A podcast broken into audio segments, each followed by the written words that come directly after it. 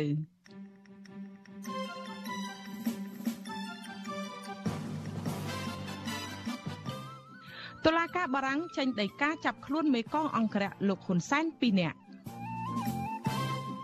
លោកកឹមសុខាប្រាប់តុលាការថាលោកអប់រំយុវជនឲ្យប្រកាន់យកគោលការណ៍អហិង្សាក្រសួងសុខាភិបាលតម្រូវឲ្យក្រុមបុគ្គលិក Nagavel ផ្ដល់សំណាក់ធ្វើតេស្តជំងឺ Covid-19 ជាលើកទី2 ចាសង្គមស៊ីវិលអំពាវនាវឲ្យអង្គភាពប្រឆាំងអំពើពុករលួយពន្លឿនចាត់វិធានការលើចៅក្រមដែលបង្ខំលោកដួងងៀបសុកប៉ាន់រួមនឹងព័ត៌មានផ្សេងផ្សេងមួយចំនួនទៀត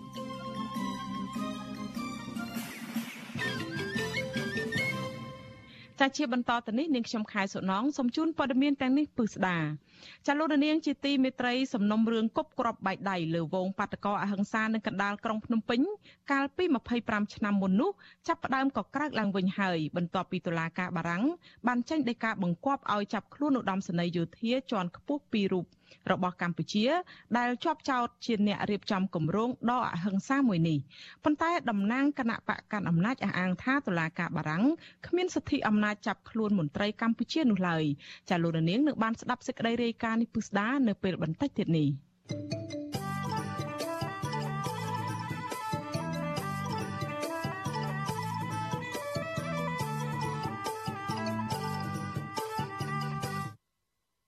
ចាលោកនាងកញ្ញាជាទីមេត្រីចាលោកនាយករដ្ឋមន្ត្រីហ៊ុនសែនអះអាងថាវិបត្តិនយោបាយនៅក្នុងប្រទេសភូមាឬមីយ៉ាន់ម៉ាគ្មានភាពល្អប្រសើរនៅឡើយទេក្រោយដំណើរទស្សនកិច្ចរបស់លោកទៅជួបមេដឹកនាំរបបសឹកកាលពីដើមខែមករា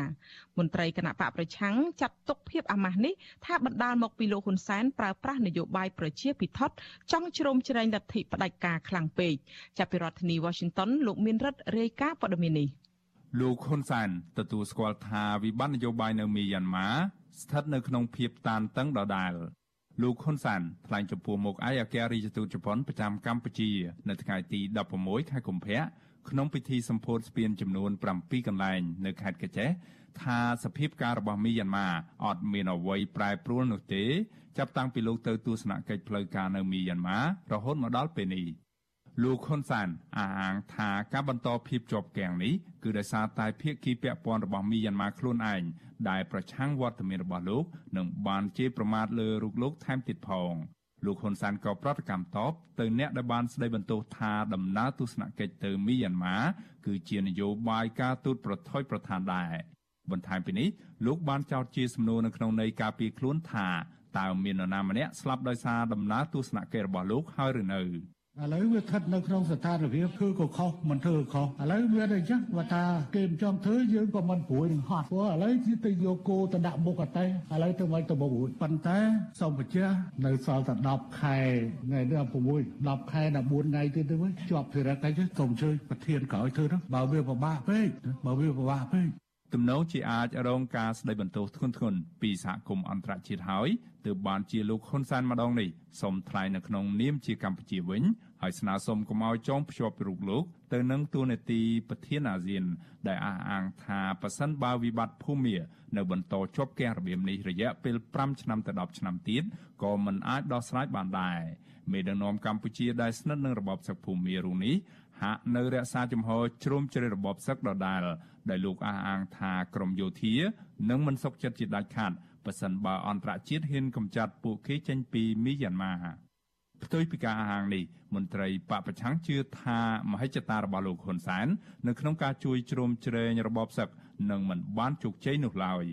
ប្រធានគណៈបកសង្គ្រោះជាតិប្រចាំប្រទេសហ្វីលីពីនលោកនីវចម្រើន ហៅកិច្ចខិតខំប្រឹងប្រែងជ្រោមជ្រែងរបបសឹកភូមាកាលពីពេលកន្លងមករបស់លោកហ៊ុនសែននេះថាជាសកម្មភាពច្រងែងច្រងាង ដែលអាចធ្វើឲ្យលោកហ៊ុនសែនខ្លួនឯងទទួលបានភាពអាម៉ាស់នឹងការស្ដីបន្ទោសយ៉ាងចាស់ដៃពីអន្តរជាតិលោកនីវចម្រើន បន្តថាភាពអាម៉ាស់នេះគឺបណ្ដាលមកពីលោកហ៊ុនសែនបថុយលេងលបាយនយោបាយប្រជាពិធជាអន្តរជាតិ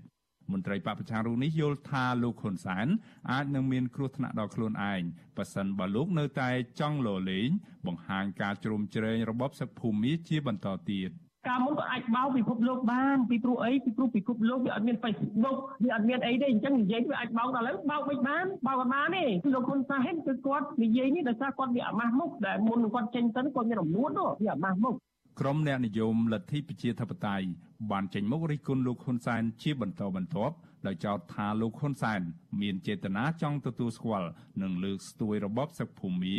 ដោយមិនខ្វល់ពីការបែកបាក់សមាគមអាស៊ាន តាមរយៈការធ្វើដំណើរដ៏ចម្រូងចម្រាសទៅជួបមេដឹកនាំរបបសឹកភ្លាមភ្លាមនៅពេលដែលលោកបានទទួលតំណែងជាប្រធានបដូវវេនអាស៊ាន ឆ្នាំ2022ទូយ៉ាងណាអ្នកវិភាគមើលឃើញថាវិបត្តិនយោបាយនៅមីយ៉ាន់ម៉ា នឹងមិនអាចដោះស្រាយទៅបាន នៅក្នុងកម្រិតថ្នាក់តំបន់នោះទេ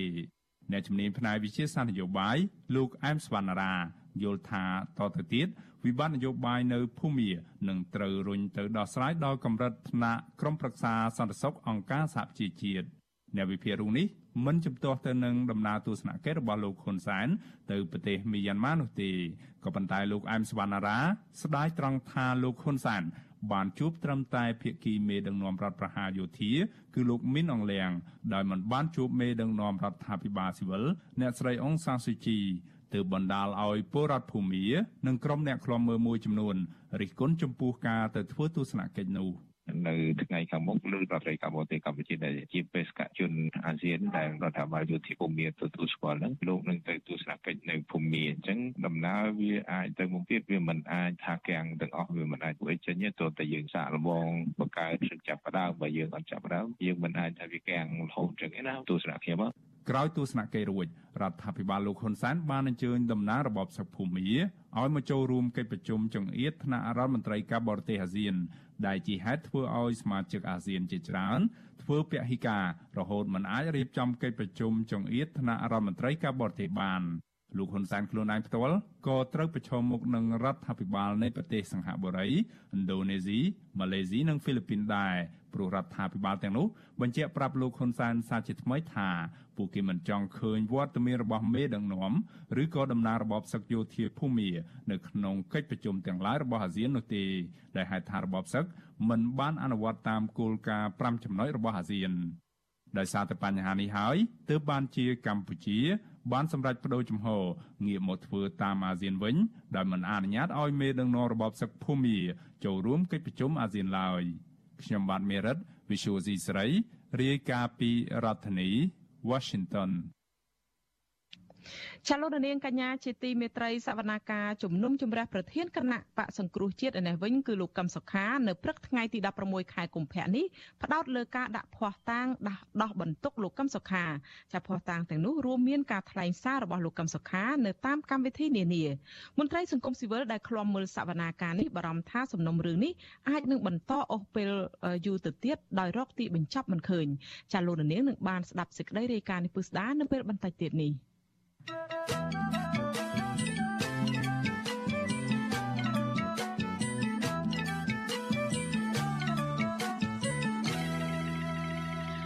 ចាលោករនាងកញ្ញាជាទីមេត្រីលោករនាងកំពុងស្ដាប់នឹងទស្សនាការផ្សាយរបស់វិទ្យុអេស៊ីសេរីផ្សាយចេញពីរដ្ឋធានី Washington នៃសហរដ្ឋអាមេរិកចាត់តាក់ទងទៅនឹងសំណុំរឿងគប់ក្របបែកដៃទៅលើវងបាតកោអហិង្សា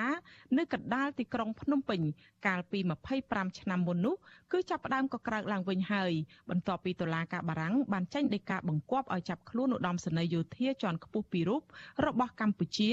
ដែលជាប់ពាក់ព័ន្ធទៅនឹងការចោទថាជាអ្នករៀបចំគម្រោងដកអហិង្សាមួយនេះប៉ុន្តែតំណាងគណៈបកកាត់អំណាចអះអាងថាតុលាការបារាំងគ្មានសិទ្ធិអំណាចចាប់ខ្លួនមន្ត្រីកម្ពុជានោះឡើយចាប់ពីរដ្ឋធានី Washington អ្នកស្រីសុជីវីរាយការណ៍ព័ត៌មាននេះតុលាការបារាំងបានចេញបញ្ជាឲ្យចាប់ខ្លួនមន្ត្រីយោធាកម្ពុជាពីររូបដែលស្មោះស្ម័គ្រនឹងលោកនាយរដ្ឋមន្ត្រីហ៊ុនសែនគឺលោកហ៊ីងប៊ុនហៀងនិងលោកហ៊ុយពិសិដ្ឋពីបទប៉ុនប៉ងសម្លាប់មនុស្សពាក់ព័ន្ធនឹងហេតុការណ៍គប់ក្របបែកលើវងបាតកោកាលពីឆ្នាំ1997នោះមែនដីកានោះ បានចេញតាំងពីថ្ងៃទី19ខែមិនិនាឆ្នាំ2020ហើយត្រូវបានតុលាការក្រុងប៉ារីដាក់ឲ្យអនុវត្តចាប់ពីថ្ងៃទី30ខែធ្នូឆ្នាំ2021តទៅអនុប្រធានទទួលបន្ទុកផ្នែកស៊ើបអង្កេតនៃតុលាការយុតិធធក្រុងប៉ារីអ្នកស្រី Sabin Kheri ដែលជាអ្នកចុះហត្ថលេខាបង្គាប់ឲ្យអនុវត្តនៃការចាប់ខ្លួននោះកាលពីថ្ងៃទី30ខែធ្នូឆ្នាំ2021ដីកាកម្រាស់16ទំព័រដែលវិទ្យុអាស៊ីសេរីទើបតែទទួលបាន រៀបរាប់អំពីសក្ខីកម្មជាច្រើនចំណុចរបស់លោកសំរងស៊ីនិងភរិយា អ្នកស្រីជូឡុងស៊ូម៉ារ៉ាដែលជាជនរងគ្រោះនិងជាភៀកគីដើមបណ្ដឹងនៅក្នុងសំណុំរឿងនេះ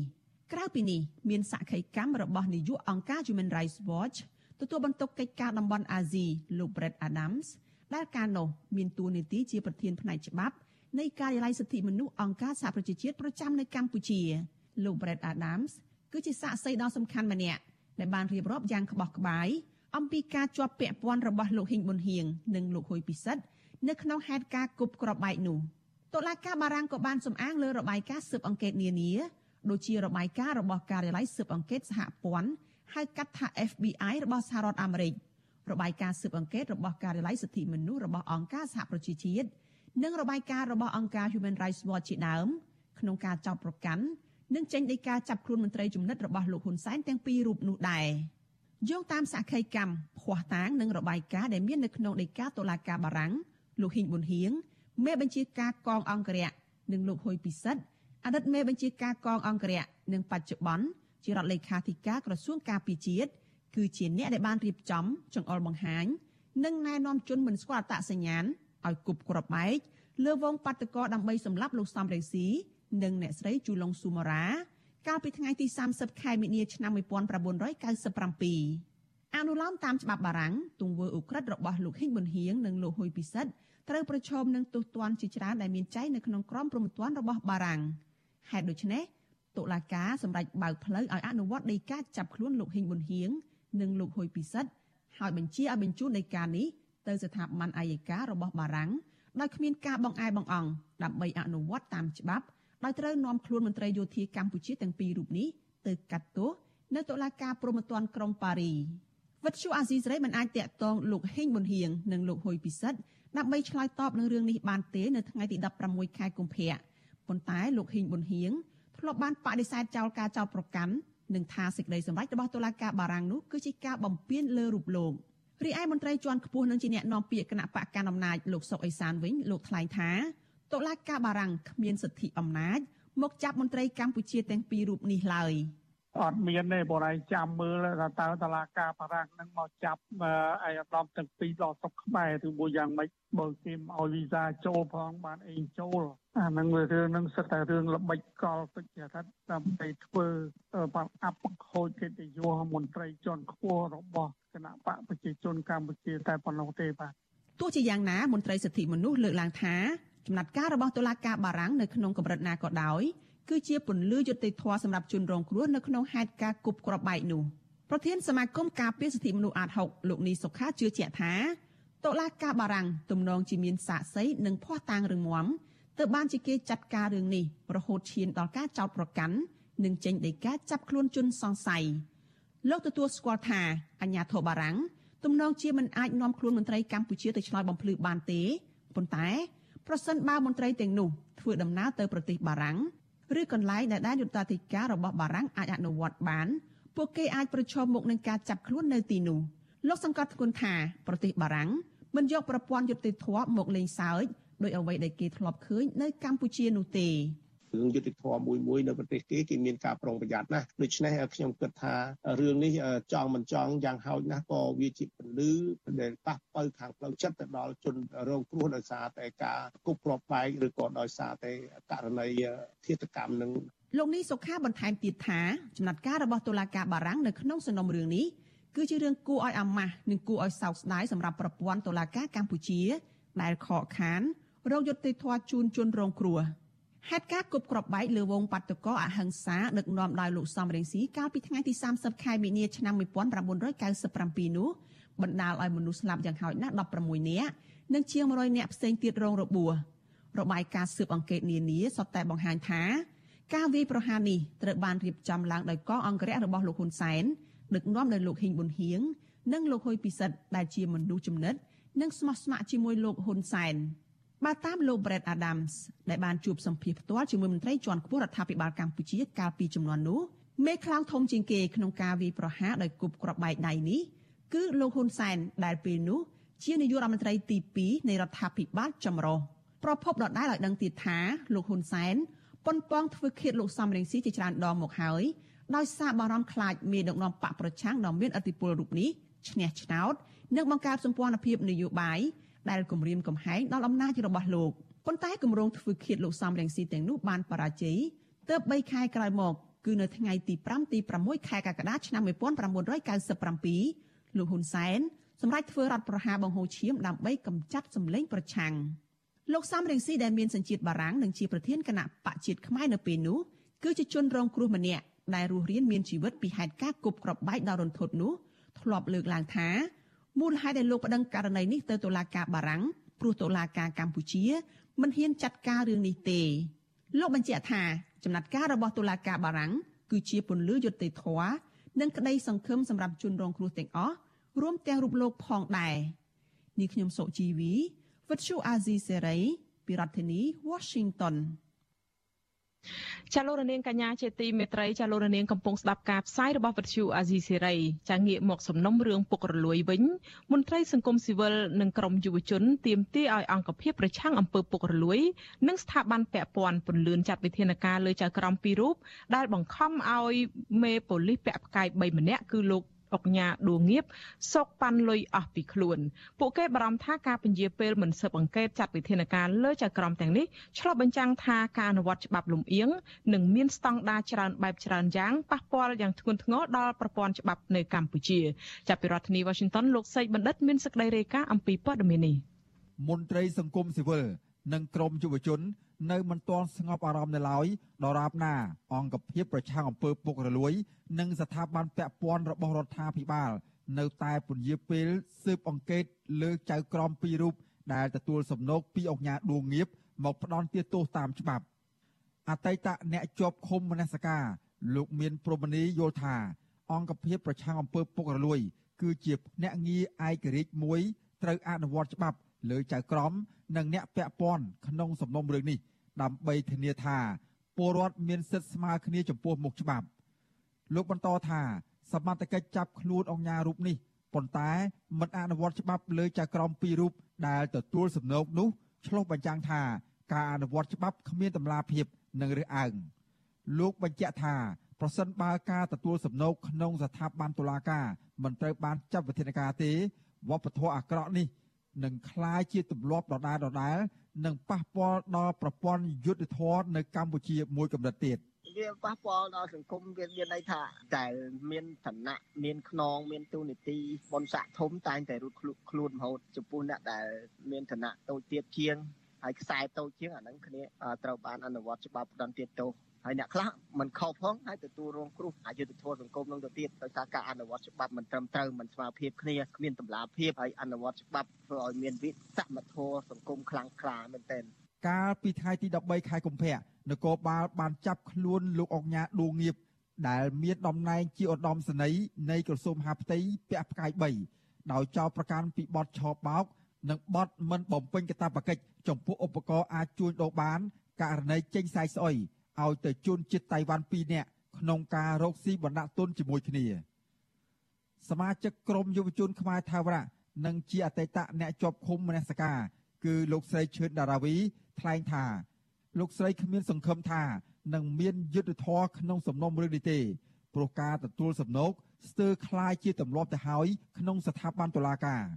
លោកស្រីមើលឃើញថា នៅគ្រាដែលតុលាការប្រព្រឹត្តអំពើពុករលួយ អ្នករងគ្រោះ ពុំមែនជាប្រជាប្រដ្ឋស្លូតត្រង់ទេសូម្បីតែជនខូចខើក៏រងគ្រោះដែរគេថាតឡាការរីទីពឹងហើយប៉ុន្តែបើតឡាការពុកអលួយដែរយើងទៅរំពឹងអីពីតឡាការដល់លក្ខណៈពីលស៊ីពីលហ្នឹងវាបើខ្ញុំខ្លួនឯងអ្នកឆ្លងកាត់នៅភាគយុទ្ធធរវាអត់មានអី ខុសហើយយើងតទល់មួយតឡាការយើងមើលពីការធ្វើការរបស់គេចង់ចង់នៅយើងខុសដដែលហើយពេលជាប់ឃុំហ្នឹងកាន់តែឃើញអាប្រព័ន្ធដល់ពួកអលួយហ្នឹងវាហួងខ្លាំងខ្ញុំឆ្អែតហ្មងព្រោះអ្នកតោសហ្នឹងអាអ្នកខូចក៏ក៏រងភាគយុទ្ធធរបែបអ្នកខូចចឹងដែរវិទ្យុអាស៊ីសេរីនៅមិនទាន់អាចតាក់ទងសុំការបំភ្លឺអំពីរឿងនេះពីប្រធានអង្គភិបប្រឆាំងអំពើពុករលួយលោកអោមយិនទៀង និងអ្នកនាំពាក្យសាលាដំបងរាជធានីភ្នំពេញលោកអ៊ីរ៉ានបាននៅឡើយទេនៅថ្ងៃទី16ខែកុម្ភៈដោយទូរស័ព្ទចូលច្រើនដងតែពុំមានអ្នកទទួលរីឯអនុប្រធានអង្គភិបប្រឆាំងអំពើពុករលួយ លោកខៀងសេងបដិសេធមិនបំភ្លឺរឿងនេះទេដោយលោករួចឲ្យទៅសួរអ្នកនាំពាក្យវិញការចាប់ខ្លួនអង្គញារូបនេះធ្វើឡើងក្រោយពីលោកដួងងៀបឈរនៅមុខខ្លោងទ្វារពន្ធនាគារព្រៃសររួចបង្ហោះវីដេអូតាមបណ្ដាញសង្គម Facebook ដោយបញ្ជាក់ថាលោកត្រៀមខ្លួនដើរចូលពន្ធនាគារក្រោយពេលដែលចៅក្រមនៃសាលាដំបងរាជធានីភ្នំពេញចំនួន2នាក់ស្រាក់ដៃគ្នាគៀបសង្កត់យកលុយពីលោកអស់ពីខ្លួនពាក់ព័ន្ធនឹងបទចោទប្រកាន់ឆោបបោកលុយក្នុងសំណុំរឿងកិច្ចព្រមព្រៀងពាណិជ្ជកម្មក្នុងទំហំទឹកប្រាក់6លានដុល្លារជាមួយជនជាតិតៃវ៉ាន់លោកដួងងៀបអះអាងនៅលើបណ្ដាញសង្គមថាចៅក្រមបានធ្វើឲ្យសំណុំរឿងរបស់លោកពីសប្រែទៅខ្មៅ រីឯអ្នកនាំពាក្យពន្ធនាគារលោកនុតសាវណ្ណាប្រាប់បទសុអសីសេរីយ៉ាងខ្លីថាមកទល់ពេលនេះលោកអុកញ៉ារូបនេះកំពុងជាប់ឃុំនៅក្នុងពន្ធនាគារព្រៃសរផ្អែកតាមដីកាបង្គាប់ឲ្យឃុំខ្លួនរបស់តុលាការតុលាការចេញដីកាឲ្យសមាជិកបញ្ជូនគាត់ទៅហើយមានគាត់យើងយកគាត់ទៅណាក្នុងវីដេអូដដែលនោះ លោកដួងងៀបមិនបានបង្ហាញថា លោកត្រូវប្រគល់លុយចំនួនប៉ុន្មាន និងត្រូវប្រើវិធីណា ដើម្បីប្រគល់លុយឲ្យទៅចក្រមណាខ្លះនោះទេ ប៉ុន្តែលោកអះអាងថាក្រោយរងការជំរិតទារប្រាក់នេះលោកក៏ធ្លាប់សុំជំនួយអន្តរាគមពីលោកនាយករដ្ឋមន្ត្រីហ៊ុនសែននិងមន្ត្រីកម្ពុជាកម្ពុជាជាច្រើនទៀតប៉ុន្តែពុំបានលទ្ធផលឡើយជុំវិញរឿងនេះមន្ត្រីនាំពាក្យសមាគមការពារសិទ្ធិមនុស្សអាត6លោកសឹងសានករណាមើលឃើញថាតុលាការគួរតែចាត់វិធានការលើអង្គញារូបនេះតាំងពីដំបូងឡើយមិនគួរបណ្ដោយឲ្យបែកធ្លាយវីដេអូផ្ទុះរឿងអាស្រូវរបស់ចៅក្រម ទើបមានចំណាត់ការច្បាប់នោះទេលោកបញ្ជាក់ថាមកទល់នឹងពេលនេះលោកនៅមិនទាន់ឃើញស្ថាប័នជំនាញស៊ើបអង្កេតនិងស្រាវជ្រាវតាក់ទងនឹងករណីចៅក្រមពីររូបបានទទួលសំណូកពីអង្គការរូបនេះនៅឡើយទេ អង្គភាពដែលធ្វើកិច្ចការនេះគួរតែចាប់ផ្ដើមពីអង្គភាពប្រឆាំងអំពើពុករលួយនឹងហើយគួរតែមានចំណាត់ការស៊ើបអង្កេតឲ្យមានភាពច្បាស់លាស់និងតម្លាភាពដើម្បីបញ្ជាក់ទៅដល់សាធារណជនដែលគេតាមដានក្នុងរឿងហ្នឹងកុំឲ្យមានមន្ទិលសង្ស័យថាស្ថាប័នតឡាការទៅពាក់ព័ន្ធទៅនឹងបញ្ហាអំពើពុករលួយហ្នឹងដែលជាការប៉ះពាល់ទៅនឹងកិត្តិយសនិងសេចក្តីថ្លៃថ្នូរដល់ចក្រមផ្សេងទៀតដែលគេបានប្រព្រឹត្តតែត្រឹមត្រូវទៅតាមផ្លូវច្បាប់ជាដើម ក្រោយពីមេប៉ូលីសផ្កាយ3លោកដួងងៀបបានលាតត្រដាងអំពីអំពើពុករលួយនៅក្នុងស្ថាប័នតុលាការក្រុងភ្នំពេញនោះសាលាដំបងរាជធានីភ្នំពេញបានចេញសេចក្តីថ្លែងការណ៍បដិសេធការចោទប្រកាន់របស់មេប៉ូលីសរូបនេះតុលាការក្រុងភ្នំពេញបានបកស្រាយនៅក្នុងលិខិតកាលពីថ្ងៃទី10ខែកុម្ភៈថាតុលាការនឹងបន្តអនុវត្តតាមនីតិវិធីមិនអនុញ្ញាតឲ្យជនត្រូវចោទលោកដួងងៀបប្រើប្រាស់ប្រព័ន្ធបណ្ដាញសង្គម ដើម្បីគេចវេះពីការទទួលខុសត្រូវរបស់ខ្លួននោះឡើយខ្ញុំបាទសេកបណ្ឌិតវិទ្យុអាស៊ីសេរីពីរដ្ឋធានីវ៉ាស៊ីនតោន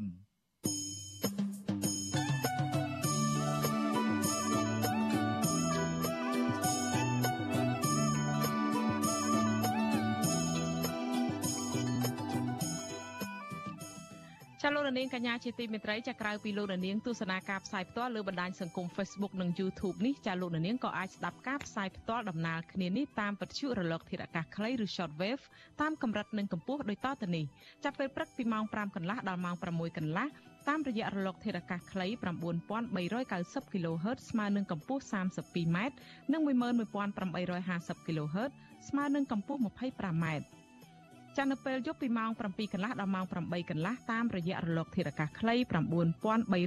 kHz ស្មើនឹងកម្ពស់ 32m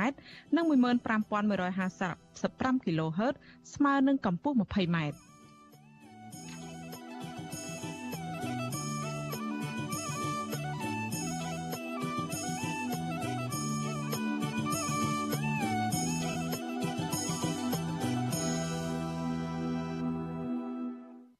ចាលោកនាងកញ្ញាជាទីមេត្រីចាតកតងទៅនឹងសំណុំរឿងនៅឯតុលាការរបស់លោកកឹមសុខាឯនេះវិញសវនាការជំនុំជម្រះប្រធានគណៈបកសង្គ្រោះជាតិលោកកឹមសុខានៅព្រឹកថ្ងៃទី16ខែកុម្ភៈនេះគឺផ្ដោតទៅលើការដាក់ភ័ស្តុតាងដោះបន្ទុកលោកកឹមសុខាភ័ស្តុតាងទាំងនោះរួមមានការថ្លែងសាររបស់លោកកឹមសុខានៅតាមកម្មវិធីនានាចាមន្ត្រីសង្គមស៊ីវិលដែលឃ្លាំមើលសវនាការនេះបារម្ភថាសំណុំរឿងនេះនឹងបន្តអូសបន្លាយពេលវេលាយូរទៀតដែលមិនអាចរកទីបញ្ចប់ឃើញចាសសូមលោកនាងស្ដាប់សេចក្តីរាយការណ៍នេះរបស់លោកលេងម៉ាលីសវនាការនៅព្រឹកមិញនេះក៏មិនខុសពីសប្តាហ៍មុនមុនដែរដោយមេធាវីការពារក្តីលោកកឹមសុខាបានដាក់ផតតាំងចំនួន9ជាវីដេអូអំពីវត្ថុតាងទី7ដល់ទី15ដើម្បីលាងភាពស្អាតស្អំរបស់លោកកឹមសុខាខ្លឹមសារសំខាន់សំខាន់នៃផតតាំងគឺគោលការណ៍នយោបាយរបស់គណៈបកសង្គ្រោះជាតិអហិង្សាចំពោះទៅរកការអភិវឌ្ឍភូមិឃុំនិងបង្ហាញថា គណៈបកសង្គ្រោះជាតិកើតចេញពីពលរដ្ឋដើម្បីពលរដ្ឋឆ្ពោះទៅការបោះឆ្នោតសហមេធាវីការពារក្តីឲ្យប្រធានគណៈបកសង្គ្រោះជាតិលោកកឹមសុខាគឺលោកផែងហេងថ្លែងប្រាប់ក្រុមអ្នកសារព័ត៌មានក្រោយចេញពីបន្ទប់សវនាការថាក្នុងចំណោមវីដេអូទាំងនោះមានវីដេអូមួយនៃការធ្វើសមាជរបស់គណៈបកសង្គ្រោះជាតិកាលពីឆ្នាំ2017នៃការតែងតាំងលោកកឹមសុខាជាប្រធានគណៈបកសង្គ្រោះជាតិលោកឲ្យដឹងទៀតថាលោកកឹមសុខាក៏បានថ្លែងក្នុងតុលាការដែរថា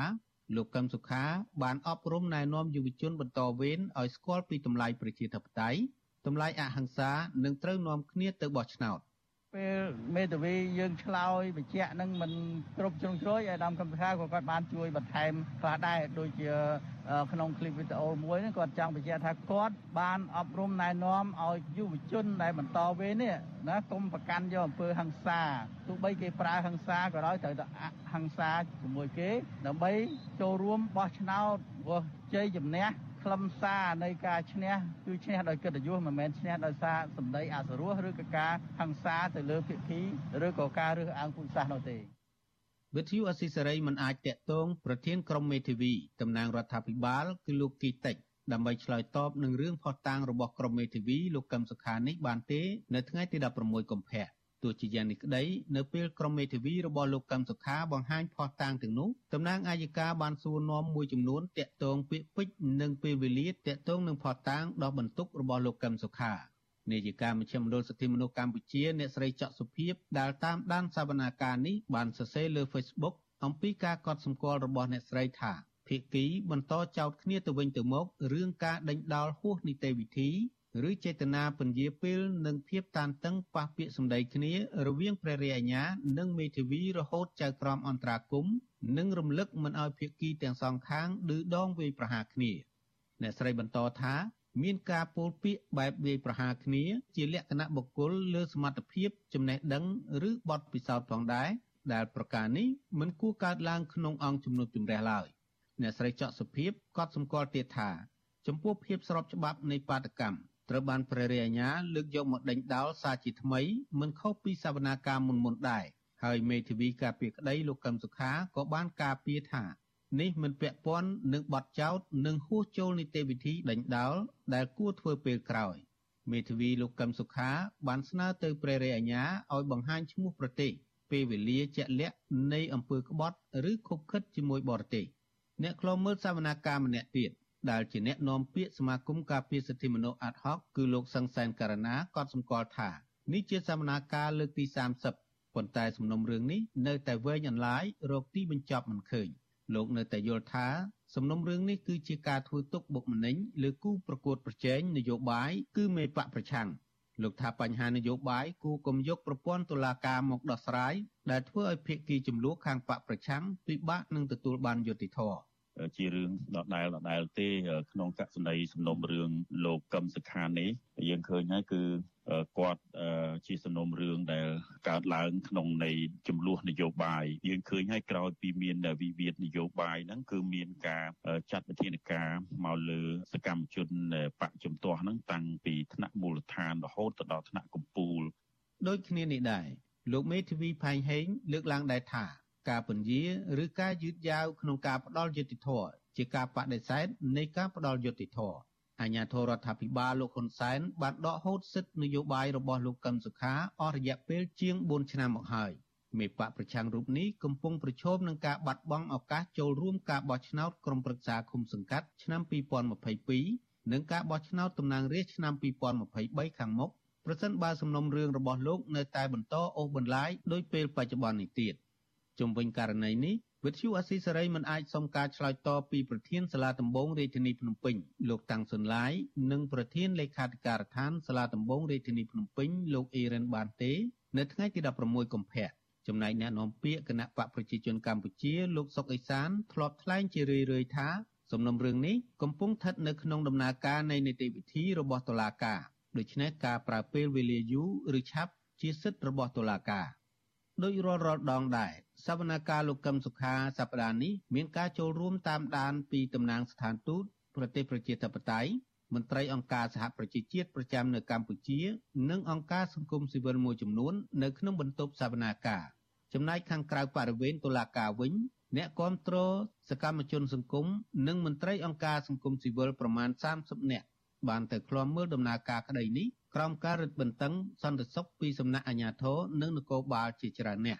ពេលចាប់សវនាការនៅម៉ោង7:12ថ្ងៃត្រង់សមត្ថកិច្ចសន្តិសុខនៅតុលាការមិនអនុញ្ញាតឲ្យឡានលោកកឹមសុខាចេញតាមទ្វារមុខដើម្បីអាចឲ្យអ្នកគ្រប់គ្រងលោកឃើញមុខនោះដែរមេធាវីរបស់លោកកឹមសុខាម្នាក់ទៀតគឺលោកច័ន្ទជេនឲ្យដឹងថា នៅរយៈពេលចុងក្រោយនេះសមត្ថកិច្ចការពារសន្តិសុខនៅតុលាការក្រុងភ្នំពេញមិនអនុញ្ញាតឲ្យឡានរបស់លោកកឹមសុខាចេញចូលតាមទ្វារមុខឡើយ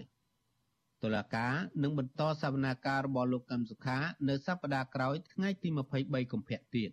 នាយិកាមជ្ឈមណ្ឌលសិទ្ធិមនុស្សកម្ពុជាអ្នកស្រីច័កសុភាពយល់ថាលោកកឹមសុខានិងសមាជិកគណៈបកប្រឆាំងដទៃទៀតមិនគួរត្រូវប្រឈមបទចោទប្រកាន់ដោយសារតែភាពសកម្មខាងនយោបាយរបស់ខ្លួននិងគណៈបកខ្លួនឡើយ អ្នកស្រីយល់ថាការបន្តចោទប្រកាន់និងអូសបន្លាយពេលជាការបំពានដល់សិទ្ធិសេរីភាពខាងនយោបាយដែលកម្ពុជាទទួលស្គាល់ក្នុងរដ្ឋធម្មនុញ្ញនិងបទដ្ឋានសិទ្ធិមនុស្សអន្តរជាតិមន្ត្រីសិទ្ធិមនុស្សរូបនេះរំលឹកថាដើម្បីឈ្មោះទៅមុខនិងធានាបរិយាកាសអំណោយផលក្នុងការបោះឆ្នោតខាងមុខការសម្របសម្រួលឲ្យអ្នកនយោបាយនិងពលរដ្ឋគ្រប់រូបអាចចូលរួមដោយសេរី ក្នុងដំណើរការប្រជាធិបតេយ្យពិតជាចាំបាច់បំផុតនិងគួរដល់ពេលដែលខ្មែរបញ្ចប់ការចោទខ្មែរនិងគួរស្វែងរកវិធីដោះស្រាយបញ្ហាជាតិបំរើផលប្រយោជន៍ជាតិទើបកម្ពុជាបានប្រសើរទៅមុខខ្ញុំបាទលេងម៉ាលីវិទ្យុអស៊ីសេរីរាយការណ៍ពីរដ្ឋធានី Washington ចាលោករនាងកញ្ញាជាទីមេត្រីចាលោករនាងកំពុងស្ដាប់ការផ្សាយរបស់វិទ្យុអាស៊ីសេរីចាតកតងទៅនឹងរឿងសកម្មជនគណៈបកប្រឆាំងដែរ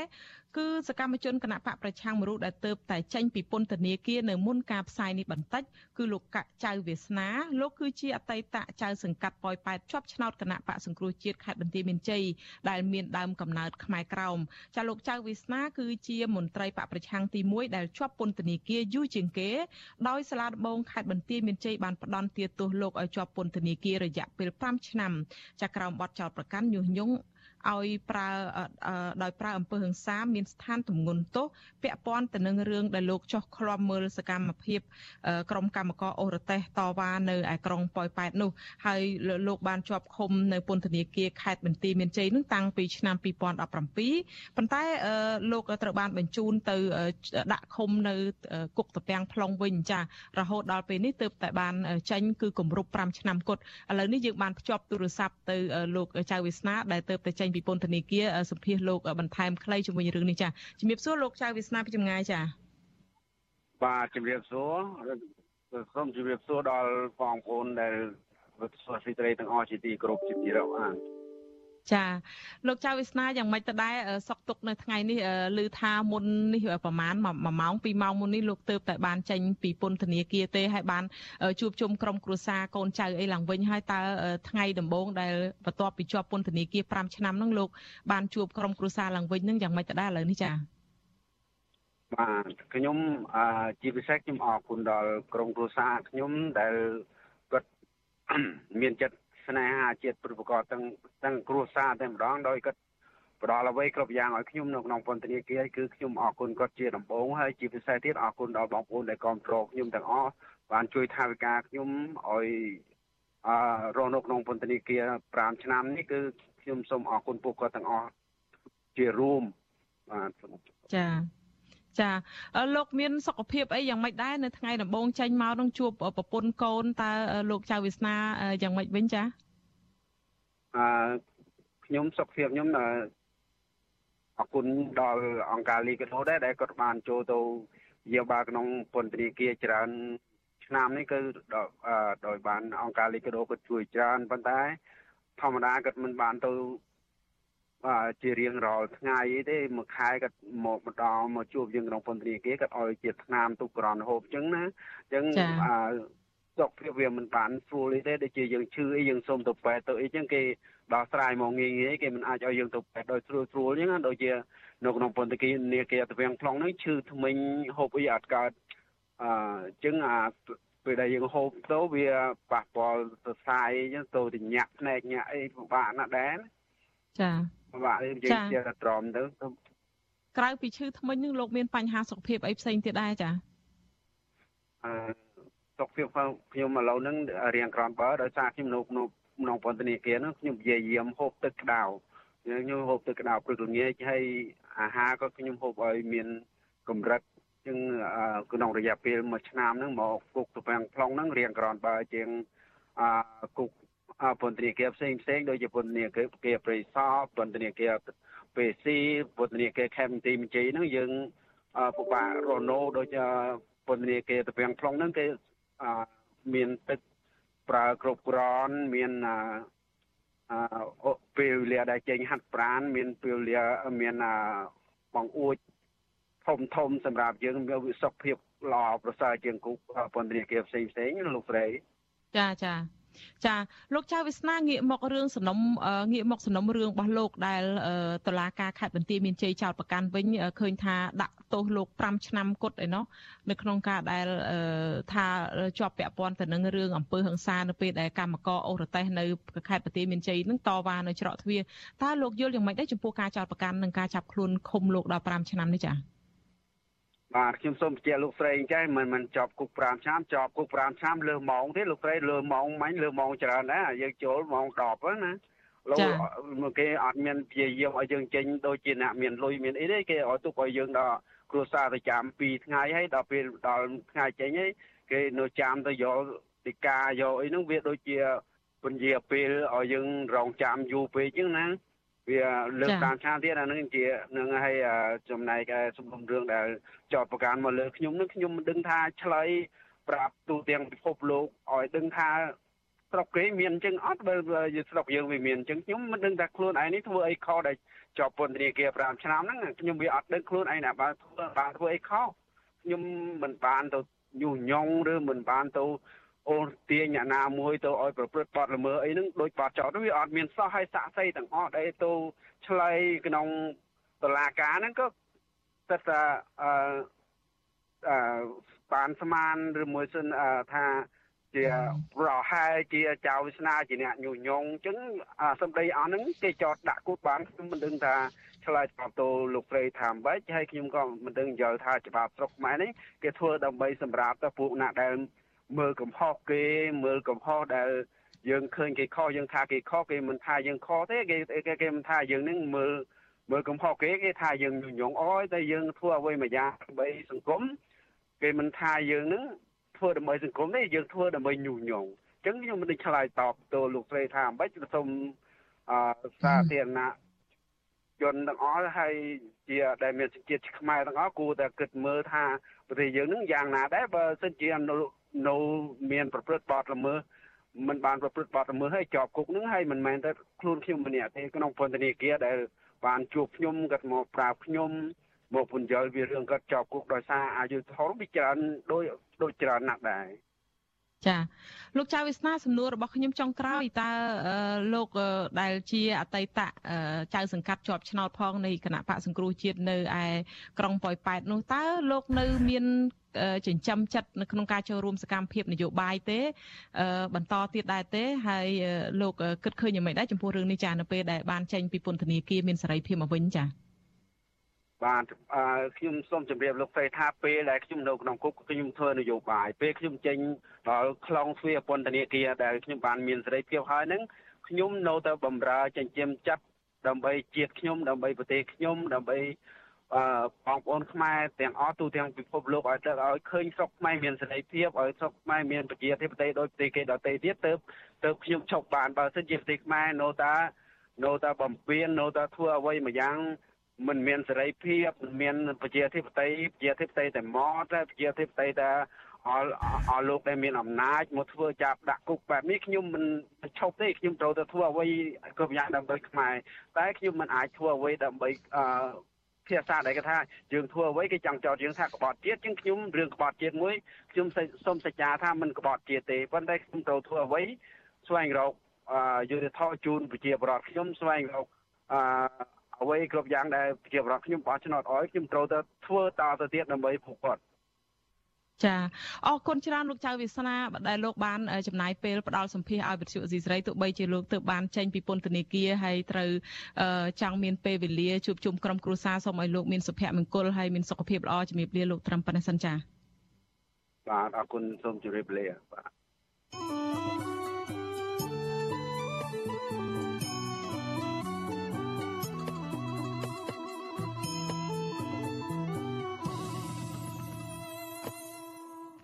ចាលោករនាងកញ្ញាជាទីមេត្រីចាតតងទៅនឹងដំណើរការក្នុងការបោះឆ្នោតនេះដែរលោកនាយករដ្ឋមន្ត្រីហ៊ុនសែនបានដាក់បទបញ្ជាឲ្យអាជ្ញាធរគ្រប់លំដាប់ថ្នាក់បង្កលក្ខណៈងាយស្រួលដល់គណៈបកនយោបាយដែលបានចុះបញ្ជីនៅក្រសួងមហាផ្ទៃទាំងអស់ឲ្យធ្វើសកម្មភាពជួបជុំគ្នា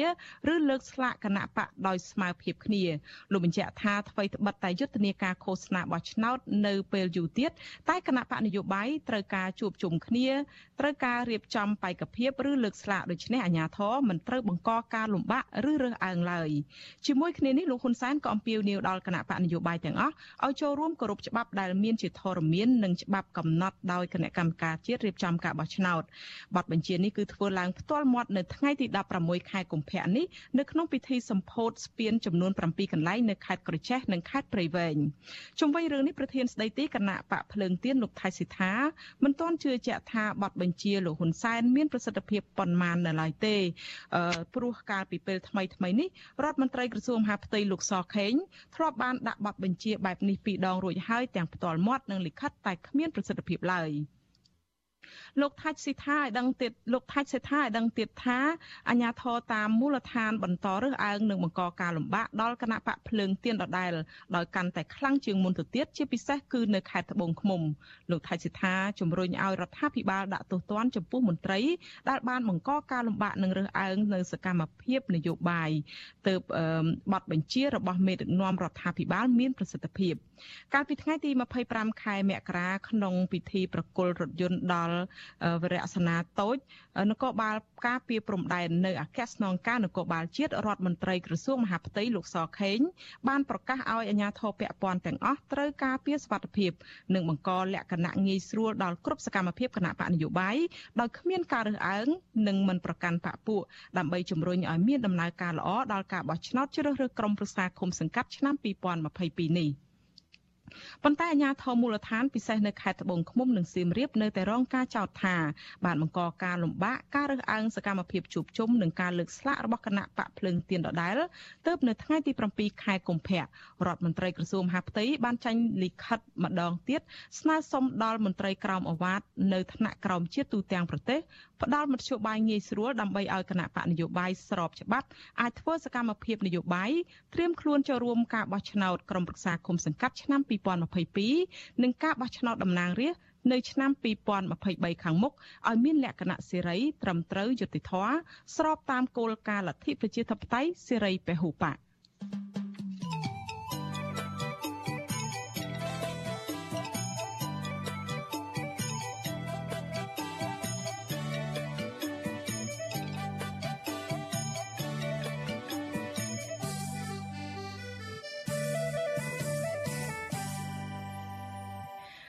លោកនាងកញ្ញាជាទីមេត្រីចាងាកទៅរឿងការរីករាលដាលនៃជំងឺ Covid-19 វិញក្រសួងសុខាភិបាលរកឃើញអ្នកឆ្លងជំងឺ Covid-19 ចំនួន204អ្នកទៀតដែលសុទ្ធតែជាមេរោគបំផ្លែងខ្លួនថ្មីអូមីក្រុងក្នុងនោះមាន9អ្នកជាករណីនាំចូលនិងពីក្រៅប្រទេសនិង195អ្នកទៀតជាករណីឆ្លងនៅក្នុងសហគមន៍ដែលធ្វើឲ្យមេរោគបំផ្លែងថ្មីនេះឆ្លងនៅក្នុងសហគមន៍បានកើនឡើងដល់ជាង3200អ្នកគិតត្រឹមថ្ងៃពុធនេះ។ គិតត្រឹមថ្ងៃទី16ខែកុម្ភៈនេះកម្ពុជាមានអ្នកកើតជំងឺ Covid-19 ចំនួន120,000នាក់ក្នុងនោះអ្នកជាសះស្បើយមានជិត120,000នាក់និងអ្នកស្លាប់មានចំនួន3015នាក់ក្រសួងសុខាភិបាលប្រកាសថាគិតត្រឹមថ្ងៃទី15ខែកុម្ភៈម្សិលមិញរដ្ឋាភិបាលចាក់វ៉ាក់សាំងជូនពលរដ្ឋដែលមានអាយុពី5ឆ្នាំឡើងទៅបានជាង14លាន3សែននាក់សម្រាប់ដូសទី1រីឯដូសជំរុញទី2បានចាក់ចំនួនអឺ 13លាន8សែននាក់និងដូសទី3និងដូសទី4នោះគឺហៅថាដូសជំរុញរដ្ឋាភិបាលចាក់ជូនពលរដ្ឋបានជាង6លាន8សែននាក់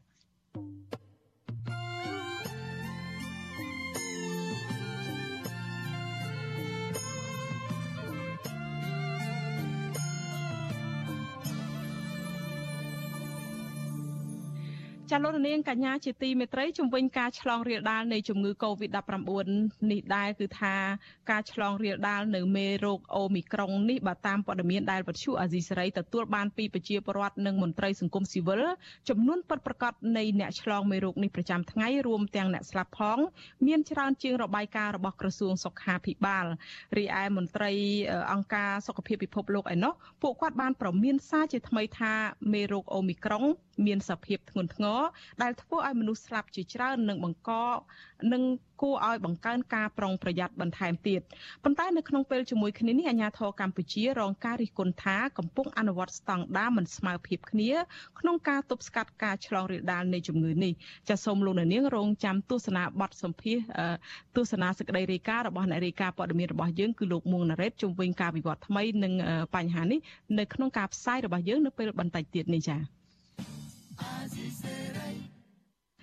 ចាលោករនាងកញ្ញាជាទីមេត្រីចាតកតងទៅនឹងរឿងបរិស្ថានវិញក្រមអ្នកការពារបរិស្ថានអះអាងថាពួកគាត់បានរកឃើញដើមឈើធំធំ ដែលនៅសេសសល់ចុងក្រោយជាពិសេសស្ថិតនៅក្នុងដែនជំរកសត្វព្រៃឡង់ជាតំបន់ស្នូលកំពុងរងការកាប់រំលំធ្វើអាជីវកម្មពីសពេញព្រៃពីសំណាក់ក្រុមហ៊ុនបរទេសទទួលសិទ្ធិវិនិយោគនៅកម្ពុជាតើក្រុមហ៊ុនបរទេសណាខ្លះដែលធ្វើអាជីវកម្មកាប់រំលំដើមឈើ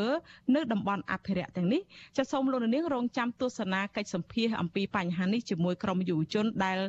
ស្រឡាញ់បរិស្ថានក្នុងការផ្សាយរបស់យើង នៅពេលបន្តិចទៀតនេះដែរចា៎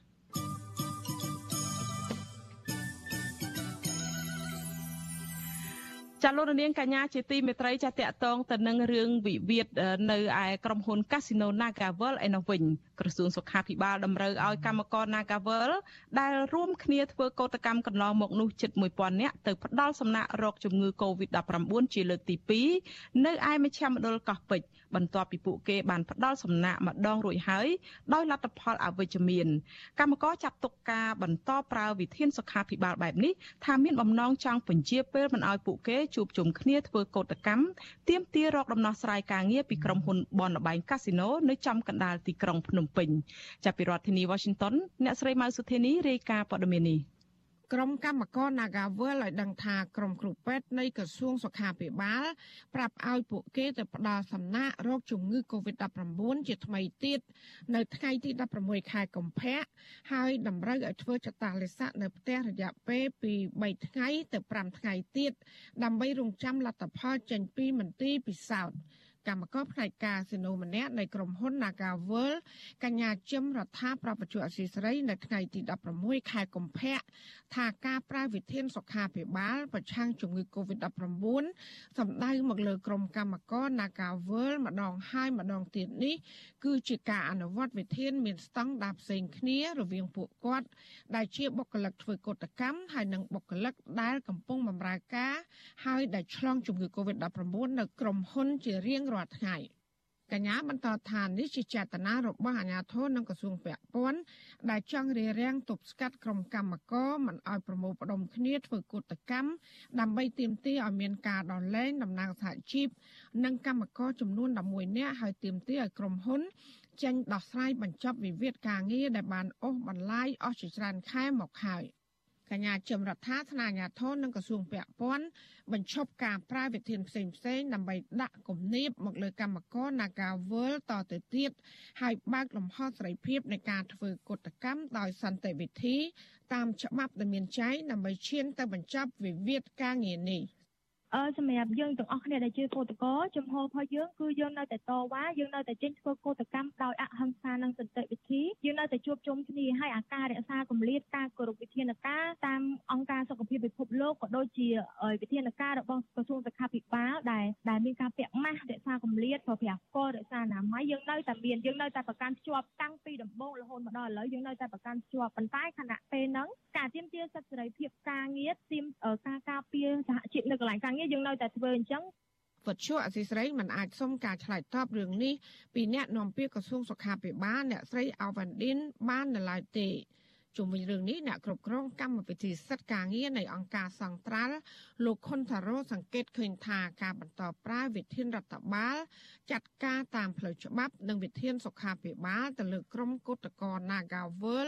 គឺអាជ្ញាធរគ្មានចេតនាដោះស្រាយបញ្ចប់វិវាទការងារជូនពួកគាត់នោះឡើយ ក្រៅតែពីរុញបញ្ហានេះដាក់គ្នាទៅវិញទៅមកដើម្បីអូសបន្លាយពេលវេលានិងរាំងខ្ទប់កុំឲ្យមានសកម្មភាពតវ៉ាតែប៉ុណ្ណោះ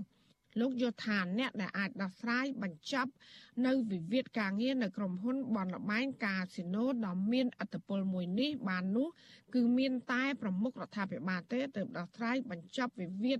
ដែលបានអូសបន្លាយអស់ជាច្រើនខែមកហើយនេះ។ ដំណើរការនេះខ្ញុំអាចនិយាយបានថាអ្នកដែលអាចមានអធិបុលនៅក្នុងការដោះស្រាយបញ្ចប់នៅវិវាទការងារនេះបានថាវិលុះត្រាអ្នកដែលមានអធិបុលនៅក្នុងការធ្វើការសម្រេចចិត្តមួយដោយសោកឆន្ទៈ ខ្ញុំអាចនិយាយបានថាមានតែនាយករដ្ឋមន្ត្រីទេដែលអាចដោះស្រាយករណីវិវាទការងារនេះបានអញ្ចឹងបើសិនជា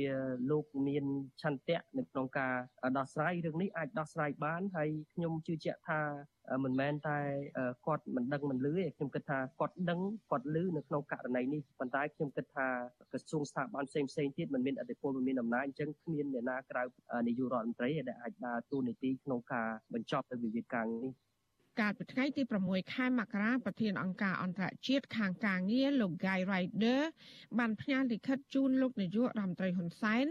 ដោយសម្ដែងក្តីព្រួយបារម្ភជាខ្លាំងពាក់ព័ន្ធនឹងការចោទប្រកាន់ដ៏ធ្ងន់ធ្ងរ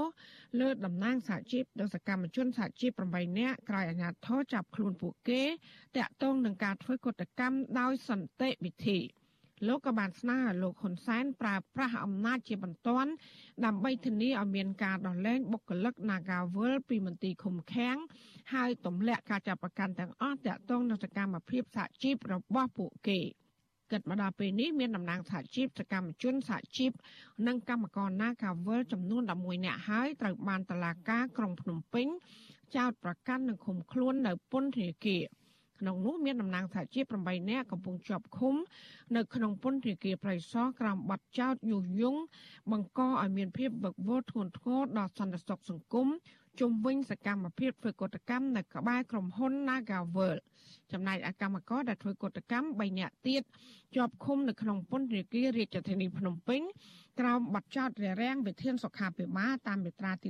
11នៃច្បាប់ប្រយុទ្ធប្រឆាំងជំងឺ Covid-19 ក្រោយពីបញ្ចប់ការអនុវត្តវិធានសុខាភិបាលលើកទី2រួចក្រុមគឧតកោ Nagawal អះអាងថាពួកគេនឹងប្រមូលផ្ដុំគ្នាធ្វើកុតកម្មដោយសន្តិវិធីជាថ្មីទៀតដើម្បីទាមទារឲ្យមានការដោះលែងអ្នកជាប់ឃុំទាំងអស់ត្រឡប់មកវិញ ដើម្បីបន្តការចរចាជាមួយក្រុមហ៊ុនដោះស្រាយបញ្ចប់វិវាទការងារនេះដោយសន្តិវិធី និងតាមច្បាប់ស្តីពីការងារចាននាងខ្ញុំម៉ៃសុធានីវិទ្យុអាស៊ីស្រីប្រធានាធិបតី Washington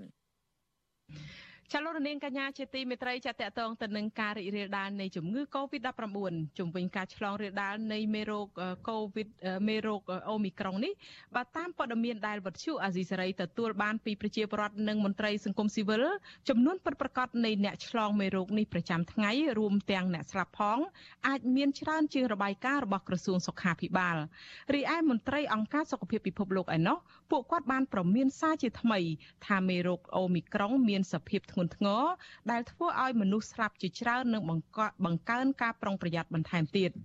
ប៉ុន្តែនៅក្នុងពេលជាមួយគ្នានេះអាជ្ញាធរកម្ពុជារងការរិះគន់ថាកំពុងអនុវត្តស្តង់ដារមិនស្មើភាពគ្នាក្នុងការទប់ស្កាត់ការឆ្លងរាលដាលនៃជំងឺនេះចាឥឡូវនេះយើងមានអ្នករាយការណ៍ព័ត៌មានរបស់យើងគឺលោកមួងណារ៉េតដែលលោកចូលខ្លួនបកស្រាយបន្ថែមអំពីរឿងនេះនឹងការវិវត្តថ្មីជំរាបសួរលោកណារ៉េតចាបាទជំរាបសួរអ្នកស្រីខែសំណងហើយសូមជំរាបសួរលោកនាងទាំងអស់ដែលកំពុងតាមដានស្ដាប់និងទស្សនាវិទ្យុអេស៊ីសេរីជាទីមេត្រីបាទ ចាលោកណារ៉េតតើសំអាងអ្វីទៅដែលថាតួលេខដែលរាយការណ៍ដោយក្រសួងសុខាភិបាលនឹងដូចថានៅមានភាពមន្ទិលនោះចា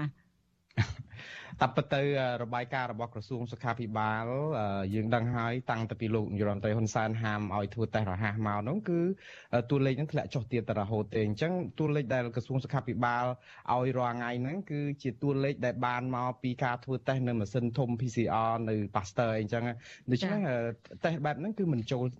រួមបញ្ចូលតេស្តរហ័សទេហើយការដែលមិនចូលរួមឬក៏មិនបញ្ចូលទិន្នន័យតេស្តរហ័សហ្នឹងគឺធ្វើឲ្យតួលេខហ្នឹងគឺបាត់បាត់ន័យថាអ្នកដែលមានឆ្លងជំងឺ Covid-19 ដែលធ្វើតេស្តនៅតាមផ្ទះ ហើយព្យាបាលតាមផ្ទះហ្នឹងគឺមិនរាយការណ៍ទៅប្រាប់ក្រសួងទេធ្វើឲ្យតួលេខហ្នឹងគឺច្រើនហើយអ្នកស្ដាប់ក៏មានតួលេខមិនមាននៅក្នុងរបាយការណ៍របស់ក្រសួងដែរហើយយើងដឹងសេចក្តីរាយការណ៍ព័ត៌មាននេះដោយសារតែប្រជាពលរដ្ឋមន្ត្រីរាជការមន្ត្រីអង្គការសង្គមស៊ីវិលហ្នឹងគឺផ្ដល់ព័ត៌មានអញ្ចឹងមកឲ្យប្រជាពលរដ្ឋជាទូទៅរអ៊ូរទាំថាគាត់ខ្លាចនៅពេលដែលឈឺសុខចិត្តសង្ងំព្យាបាលនៅក្នុងផ្ទះដោយមិនហ៊ានប្រាប់ទៅក្រសួងជាពិសេសអាជីវករព្រោះតែប្រាប់ទៅគេចុះមកបិទហាងបិទតូបអីគាត់ធ្វើចតាលេខសាក់4 10ថ្ងៃអត់បានរកស៊ីអីទាំងអស់អត់មាននរណាជួយអីទេដូច្នេះអានេះហើយដែលជាបញ្ហាដែលកំពុងតែកើតមានដែលធ្វើដែលសប្តាហ៍នេះបាទចាដែលនាំឲ្យតួលេខហ្នឹងនៅមិនមិនទាន់ស្របដោយអ្វីដែលជាសក្តីរាយការណ៍របស់ខាងក្រសួងសុខាភិបាលចាលោកណារ៉េតក្រៅពីរឿងតួលេខរឿងរបាយការណ៍តិន្នន័យអីនេះតើលោកណារ៉េតមើលឃើញមិនដែរចំពោះរឿងវិធានការរបស់ខាងរដ្ឋាភិបាលទៅវិញចាតើប្រជាពលរដ្ឋនឹងបានអនុវត្តអីយ៉ាងម៉េចដែរចា វិធានការរបស់ក្រសួងសុខាភិបាលយើងឃើញភាគច្រើនមាននៅក្នុងกระดาษនឹងការអំពាវនាវប៉ុន្តែការអនុវត្តជាក់ស្ដែងគឺយើងឃើញមានភាពធូររលុងណាស់ដោយអស់លោកនាងបានដឹងហើយថ្មីថ្មីនេះនៅក្នុងពិធីព្រឹត្តិការណ៍កីឡាប្រកួតកីឡាបាល់ទាត់ នៅពុកលាឋានជាតិអីអញ្ចឹងប្រជាពលរដ្ឋទៅប្រពាក់ប្រពូនគ្នាប្រជ្រៀតជិះម៉ូតូដូចម្រាមដៃអីអញ្ចឹងនេះមិនមែនជាការគោរពតាមវិធានការសុខាភិបាលទេហើយសំបីតែការជួបជុំនៅកន្លែងប្រគំតន្ត្រីហើយសំបីតែថ្មីថ្មីនេះថ្ងៃហ្នឹងតែម្ដងហ្នឹងគឺការជួបជុំរបស់អ្នកដែលទៅហែហមអមដំណើរលោកនាយរដ្ឋមន្ត្រីហ៊ុនសែននៅពិធីសម្ពោធស្ពានក៏យើងឃើញហើយចុះទៅមានប្រជាពលរដ្ឋមកប្រពាក់ប្រពូនគ្នាជួបបានយ៉ាងគៀកកាត់ គៀកកោយគ្នាអញ្ចឹងច្រើនបានក៏ប៉ុន្តែវិធានការនេះហាក់បីដូចជាតឹងរឹងបំផុតចំពោះអ្នកដែលទៅតវ៉ាធ្វើកោតកម្មតវ៉ាបញ្ហាអយុត្តិធម៌សង្គមអីដូចរឿងបុគ្គលិកនាការអីទៅវិញបាទ ចាខាងបុគ្គលិក Nagavel អីហ្នឹងគាត់ថាគាត់បានអនុវត្តវិធានត្រឹមត្រូវឥឡូវនេះក្រសួងសុខាភិបាលដោយសេចក្តីរាយការណ៍របស់អ្នកស្រីម៉ៅសុធានីមុននេះចឹងហៅទៅជាលើកទី2ដើម្បីហៅគាត់ធ្វើតេស្តអីជាលើកទី2អីទៀតចាលោកណារ៉េតចុះឥឡូវយើងងាកទៅរឿងប្រទេសជិតខាងវិញយ៉ាងម៉េចដែរស្ថានភាពខាងប្រទេសជិតខាងយើងចា ប្រទេសជិតខាងរបស់យើងស្ថានភាពកាន់តែដុនដាបខ្លាំងហើយនៅស្រីខេត្តសំណងដោយសារតែយើងមើលតែប្រទេស3សំខាន់សំខាន់យើងមើលប្រទេសវៀតណាមសិង្ហបុរីគឺសិង្ហបុរីម៉ាឡេស៊ីប្រទេសទាំង3នេះគឺតួលេខដែលកើនឡើងក្នុងមួយថ្ងៃចាប់ផ្ដើមចាប់ពី20000អ្នកឡើងទៅហើយប្រទេសថៃក៏នៅត្រឹម15000ដែរដូច្នេះអត្រានៃការកើនឡើងនៅក្នុងតំបន់នេះគឺវាឆ្លុះបញ្ចាំងអំពីការកើនឡើងច្រើននៅក្នុងស្រុកខ្មែរដែរគាត់ថាយើងមិនមានតួលេខពិតប្រាកដតែប៉ុណ្្នឹងទេបាទ ចាអញ្ចឹងមានន័យថាមើលទៅការរីករាលដាលនេះវិបត្តិនៅលើពិភពលោកនេះនៅតែបន្តទេឬក៏យ៉ាងម៉េចលោកណារ៉េតវិបត្តិនេះមិនស្បើយទេអ្នកស្រីកែសំណងជារឿងអកុសលដែរដោយសារឥឡូវនេះតំបន់ដែនកោះប៉ាស៊ីហ្វិកដែលអត់ដែលមានមេរោគ COVID-19 ចូលដល់សោះឥឡូវចូលទៅហើយមិនត្រឹមតែចូលទៅចម្លងពីក្រៅទេគឺឆ្លងនៅក្នុងសហគមន៍នៅក្នុងដែនកោះទាំងអស់នោះទៀតហើយអូមីក្រុងប្រភេទប្អូនអូមីក្រុងនោះ BA2 នោះឥឡូវហ្នឹងរៀលដាលពីពេញពិភពលោកហើយ70ប្រទេសរដ្ឋនៅអាមេរិកហ្នឹង42រដ្ឋហើយហើយគេនឹងមន្ត្រីសុខាភិបាលអង្គសហសំទុះពិភពលោកពមៀនទៀតថាមេរោគអូមីក្រុងប្អូនអូមីក្រុងនេះនឹងคล้ายទៅជាមេរោគដែលនាំមុខគេខ្លាំងនៅក្នុងពេលកដោះខ្លីខាងមុខនេះទៀតផងអានេះហើយដែលគឺជារឿងដែលគួរឲ្យបារម្ភនោះបាទចាលោកណារ៉េតខ្ញុំនៅសល់មួយសំណួរអីទៀត ទេប៉ុន្តែមុននឹងខ្ញុំដោយសារយើងចិត្តអស់ម៉ោងខ្ញុំសូមជំរាបលាលោកនាងដែលកំពុងតែស្ដាប់ការផ្សាយផ្ទាល់របស់យើងតាមវិទ្យុរលកធាតុអាកាសខ្លីនៅពេលម៉ោង8:30នាទីលោកនាងនឹងមិនលឺការផ្សាយរបស់យើងទៀតទេប៉ុន្តែលោកនាងដែលកំពុងស្ដាប់ការផ្សាយនិងទស្សនាការផ្សាយលើបណ្ដាញសង្គម Facebook និង YouTube នឹងសូមនៅបន្តជាមួយយើងបន្តិចទៀតចាស់ហើយឥឡូវបើលោកណារ៉េតមានប្រសាសន៍មិញនឹងដល់រឿងថាស្ថានភាពវិបត្តិពិភពលោកនឹងមើលទៅហាក់ដូចជាមិនថមថយមិនស្បើយទេចុះឥឡូវយើងងាកមកខាងប្រទេសទេសកម្ពុជាយើងវិញក្រសួងសុខាភិបាលកម្ពុជាយើងនឹងមានបានផ្ដាំជាសារឬក៏ផ្ញើជាសារអ្វីខ្លះដល់ប្រជាពលរដ្ឋខ្មែរដើម្បីបង្ការទប់ស្កាត់លើបញ្ហានេះបន្ថែមចា៎ អរគុណអ្នកស្រីខែសំណងតាមពិតទៅខាងអាជ្ញាធរសុខាភិបាលនឹងឃើញមានសារជាប្រចាំចឹងដែរទេដាស់តឿនក្រានរំលឹកក៏ប៉ុន្តែការដាស់តឿនក្រានរំលឹកហ្នឹងគឺមិនមែនជាវិធានការរដ្ឋបាលឬក៏វិធានការពិន័យអីច្រើនទេយើងឃើញវិធានការពិន័យនេះគឺធ្វើបានតែទៅលើកោតក្រនៅ Nagawal ទេប៉ុន្តែប្រជាពលរដ្ឋទូទៅហ្នឹងដូចជាមិនសង្ខុញដូចថាមិនសម្រុកចាប់ផ្ដើមចាប់យកមកឲ្យពាក់ម៉ាស់ឬក៏ដូចថាល្មើសបំរាមអីទេពាក់ពពូនគ្នាប៉ុណ្ណាក៏ដោយប៉ុន្តែអ្នកស្រីអវ៉ាន់ឌិនដែលជាអ្នកនាំពាក្យក្រសួងសុខាភិបាលនៅថ្ងៃនេះក៏បានថ្លែងដែរថាឲ្យប្រជាពលរដ្ឋហ្នឹងប្រយ័ត្នប្រយែងឲ្យខ្ពស់បន្តិចទៀតជាពិសេសហ្នឹងគឺថាធ្វើតេស្តរហ័សហ្នឹងឲ្យបានច្រើនទៅដើម្បីរកឃើញមេរ